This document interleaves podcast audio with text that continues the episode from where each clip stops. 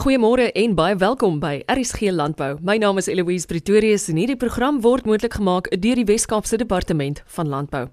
Vanoggend se program is weliswaar baie spesiaal, want afgesien van die tegniese kennis wat ons gaste met jou gaan deel, neem ek jou graag vandag saam na 'n plaas waar ons met 'n jong boer gaan gesels oor die praktiese kennis wat hy self opgedoen het en wat ek glo beslis vir jou en jou boerdery ook waardevol sal wees.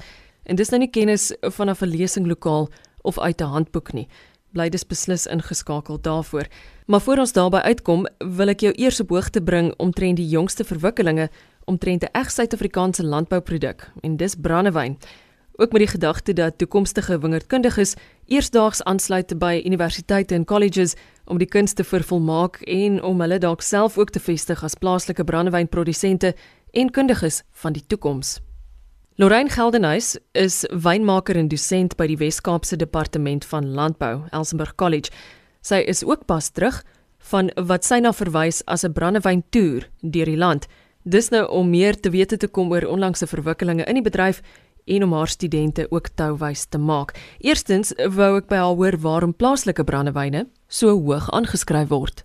O, oh, dit is 'n goeie vraag. Ek dink ons die grootste rede is dat ons kriteria vir brandewynproduksie is so streng. Ons is hier van die van al die lande in die wêreld wat brandewyn produseer, is dit is Suid-Afrika se riglyne die mees streng. En ehm um, ja, en dit dit die, die eindproduk as gevolg daarvan is is, is van 'n baie hoë kwaliteit. Soveel so Eloise dat dat ehm um, die brandewyn wat in Frankryk geproduseer word, almal ken die term cognac. Die konjakprodusente in Frankryk het eintlik hulle eie kategorie begin skep want hulle het bietjie moeg geraak daarvan dat Suid-Afrika al die pryse wen. So nou kompeteer hulle binne hulle self in verskeie kompetisies. Op 'n tegniese vlak, waarom dink jy is ons brandewynmakers meer kundig as baie van die ander in ander wêrelddele, Lorraine? Ja, ek dink ons is baie meer oopkop. Ons um ons jong wynmakers toer die wêreld vol en hulle is baie baie meer oopkop oor wat in die res van die wêreld aangaan. So hulle steel ons steel met ons oë en ons kom pas dit toe wat ons geleer het in die buiteland terug in Suid-Afrika. En ja, ons ons die manier van hoe ons brandewyn produseer in Suid-Afrika is so streng en dis uitstekend. So en die gevolg is dat die dat die produk is net van so hoë kwaliteit dan. Ja, ek het ek het 17 studente in my klas vanjaar in 2019 ongelooflike passievolle kinders en uh, dis 'n voorreg om met hulle te werk want eintlik is hulle nie vir my so studente nie dis soos jong assistent wynmakers. En en die wonderlike ding is as jy 'n student hanteer asof hy soveel meer verantwoordelikheid het dan jy sal nie glo nie maar dan raak hulle baie goue groot mens. As 'n mens studeer om 'n wynmaker te word leer jy dan ook hoe om brandewyn te maak? Ja, dis 'n baie groot deel van ons kursus, veral in die finale jaar en die derde jaar. Ons produseer ongeveer so 1000 liter um volsterkte brandewyn. Nou wanneer brandewyn verouder, verouder dit teen 70-72% alkohol in 'n vaatjie. Maar die brandewyn wat 'n mens koop in die drankwinkel is 38 of 43% afhangende van die styl. So ons breek dit nog later af met water net voor die bottellering na 'n verouderingsperiode van so 3 minimum 3 jaar in Suid-Afrika. En ons ja, so ons om om om 'n 1000 liter se volsterkte brandewyn te maak, moet jy begin met met 10000 liter se basiswyn. Waar word brandewyn oral in ons land gemaak? In hoofsaaklik uh daar's daar's 'n groot Robertson, uh Woester, Parel, um Oudtshoorn, Berrydale, Montetjie, Rosenwil, Woester. Ja, daar's 'n groot groot verskeidenheid, ja. Met die, al die uitdagings en ek dink nou spesifiek aan die droogte, is dit nog steeds 'n goeie ding om te doen brandewyn te maak in Suid-Afrika? Jong, maar jy vra baie goeie vrae.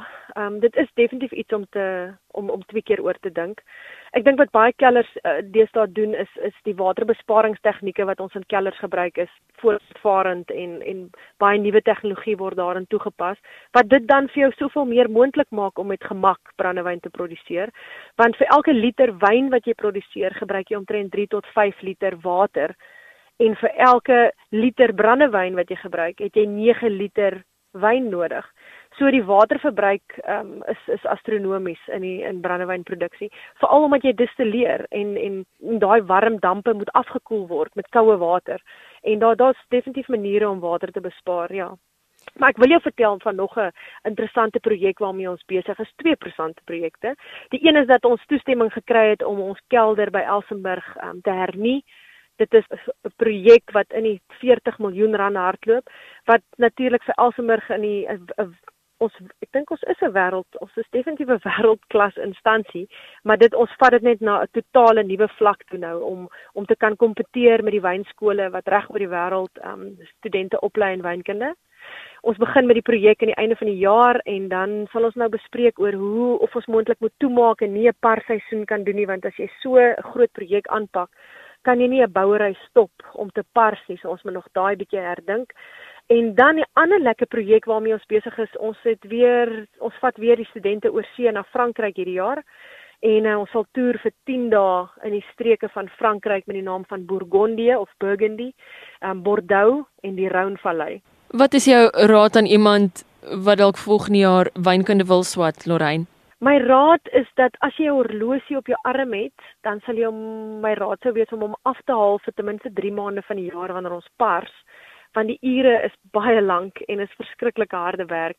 So as jy dis 'n goeie idee om om ek wil amper sê te gaan shadow of meer uit te vind of jy werklik in hierdie beroep belangstel, want dis alles of niks. As jy regtig graag 'n wynmaker wil word, moet jy passievol wees oor die produk en die mense en ons is 'n baie klein bedryf. Almal ken vir almal wat wonderlik is. So ja, harde werk is maar harde werk en passie, soos ek seker daarvan is in elke beroep, loop hier veral hand aan hand.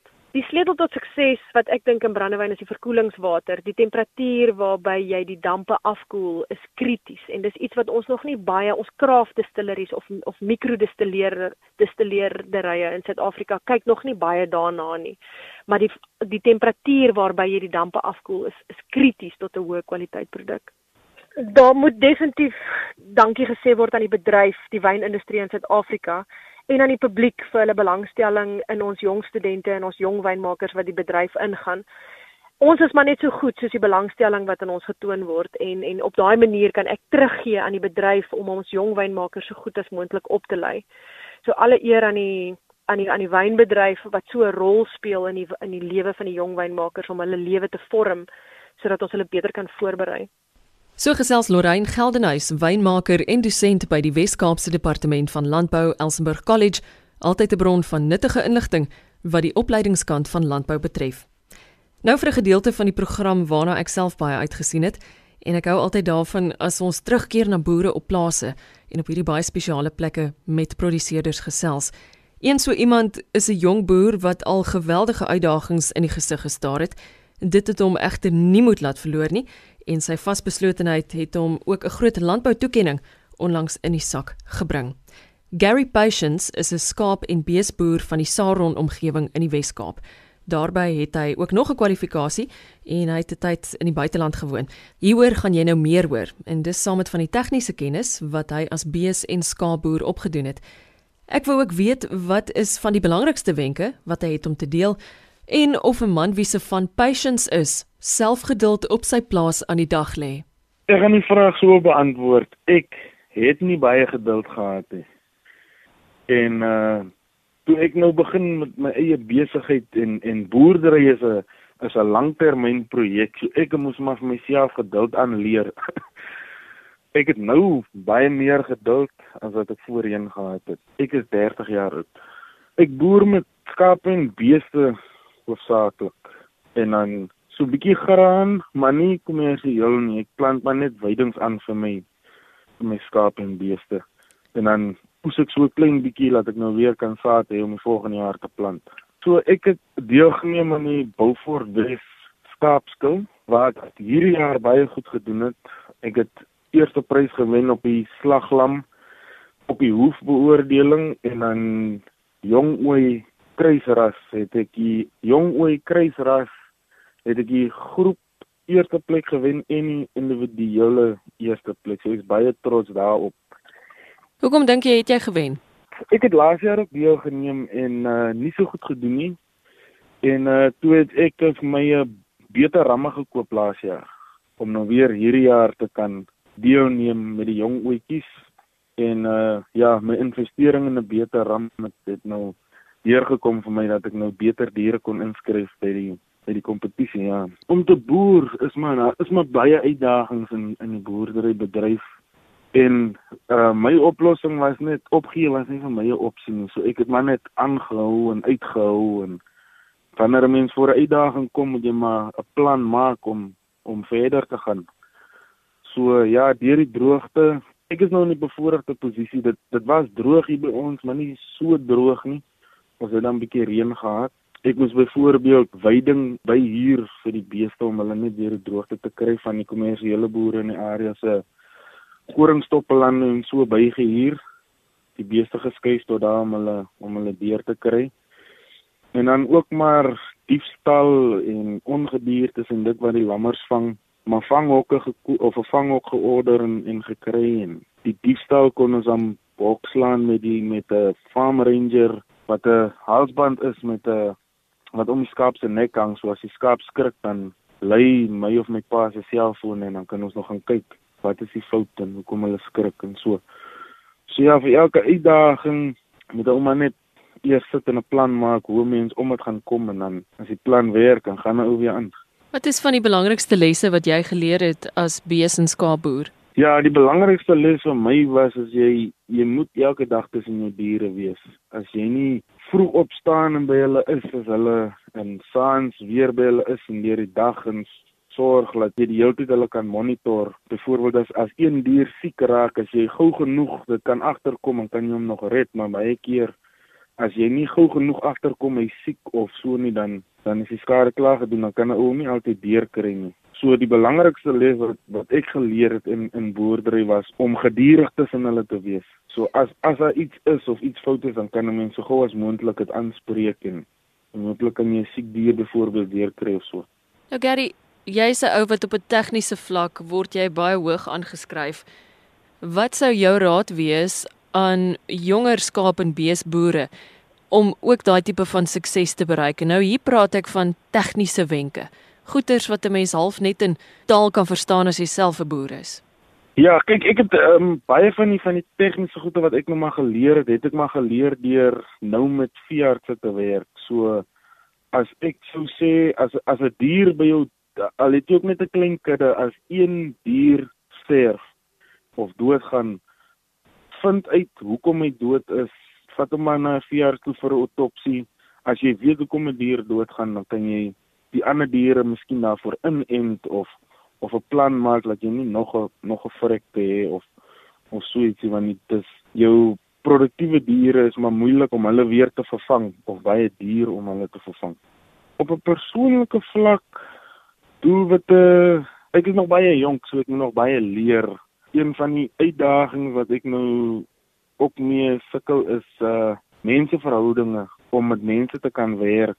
Ek moet daai by myself nog 'n bietjie opskerp. Dit gaan al beter, maar daar is nog steeds nog 'n paar nog baie plek vir verbetering. As iets gebeur in in my persoonlike ervaring, as iets nou byvoorbeeld te werk het nou miskien 'n fout gemaak, dan um, om onmiddellik met hom te praat of sê nou maar oor skwaad of so dan dit werk nie om om onmiddellik met die ou te praat nie. Ek gaan koel my eers af en dink eers mooi oor die saak en dan sal ek weer terug gaan na hom toe oor 'n uur of twee of later as ek eers afgekoel het en dan sal ek nou vir hom sê luister maar ons moet miskien so gemaak het of ons kan so maak dat so iets nie weer gebeur nie of so. So ek sou sê uit en uit om met mense te werk is jou key ding is geduld. So ja, dit is maar my my ding wat ek doen om myself te verbeter in daai opsig. Wat vir jou lekkerder om mee te boer, skape of beeste? Yes, ek kan nou nog al sê nie. Um ek wo nie worstel nie, maar ek dink nog as baie daaraan. Vir my self is die, die beesboerdery is my bietjie makliker omdat hulle vergie so baie aandag het. As 'n skaap, die skape wil wil baie meer aandag hê veral in lamtyd. Maar dit is vir my weer so 'n lekker gevoel as as jy as daar uitdagings is by die skaap en jy kan hulle jy kan dit nou uitsorteer en so en dit is dan weer ook 'n lekker gevoel daarbey. So ek is ek wil amper sê ek is vir die skaap en die beeste ewe lief.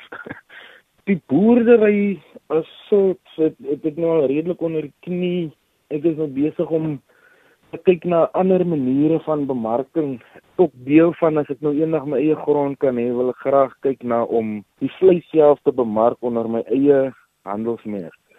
Dit is ook 'n doel wat waarna toe ek werk, maar dit is nou eers as ek as ek miskien my eie grond kan kry. So ja, ek werk maar elke dag probeer die kwaliteit van die kuddes opstoot dat ek op die einde van die dag bietjie meer geld kan maak dat ek 'n nader aan my doelwit kan kom om om 'n eie stuk grond te kan koop en, en daar te boer. Ek is hier groot geword. Ek het woon op Saron in Portable skool gegaan. Ja, na skool het ek gewerk vir om nou geleer om 'n mechanic te word. Daarna was ek so vir 3 jaar oor see in Kanada waar ek ook gewerk het as 'n mechanic en toe teruggekom in Suid-Afrika toe en, en nou weer weer verder aangegaan het met die boerdery terwyl ek weg was het my pa die boerdery vir my behartig. Skaap en beesboer van Saron in die Wes-Kaap en 'n man by wie mens beslis 'n ding of twee kan leer. Soos jy ook nou gehoor het, is hy 'n motorwerktuigkundige wat 'n tyd lank in Kanada gaan woon en werk het, maar nou is hy terug in die omgewing waar hy groot geword het en besig om pryse te wen as skaap en beesboer. Graag wil ek jou nooi om môreoggend weer by my aan te sluit vir nog stories oor mense in landbou wat jou gaan bybly en inspireer. Er is geen landbou is om kwart voor 12 weer terug en daarmee wens ek jou 'n besonderse Vrydag en 'n heerlike begin tot jou naweek. Ek's Eloise Pretorius. Groete.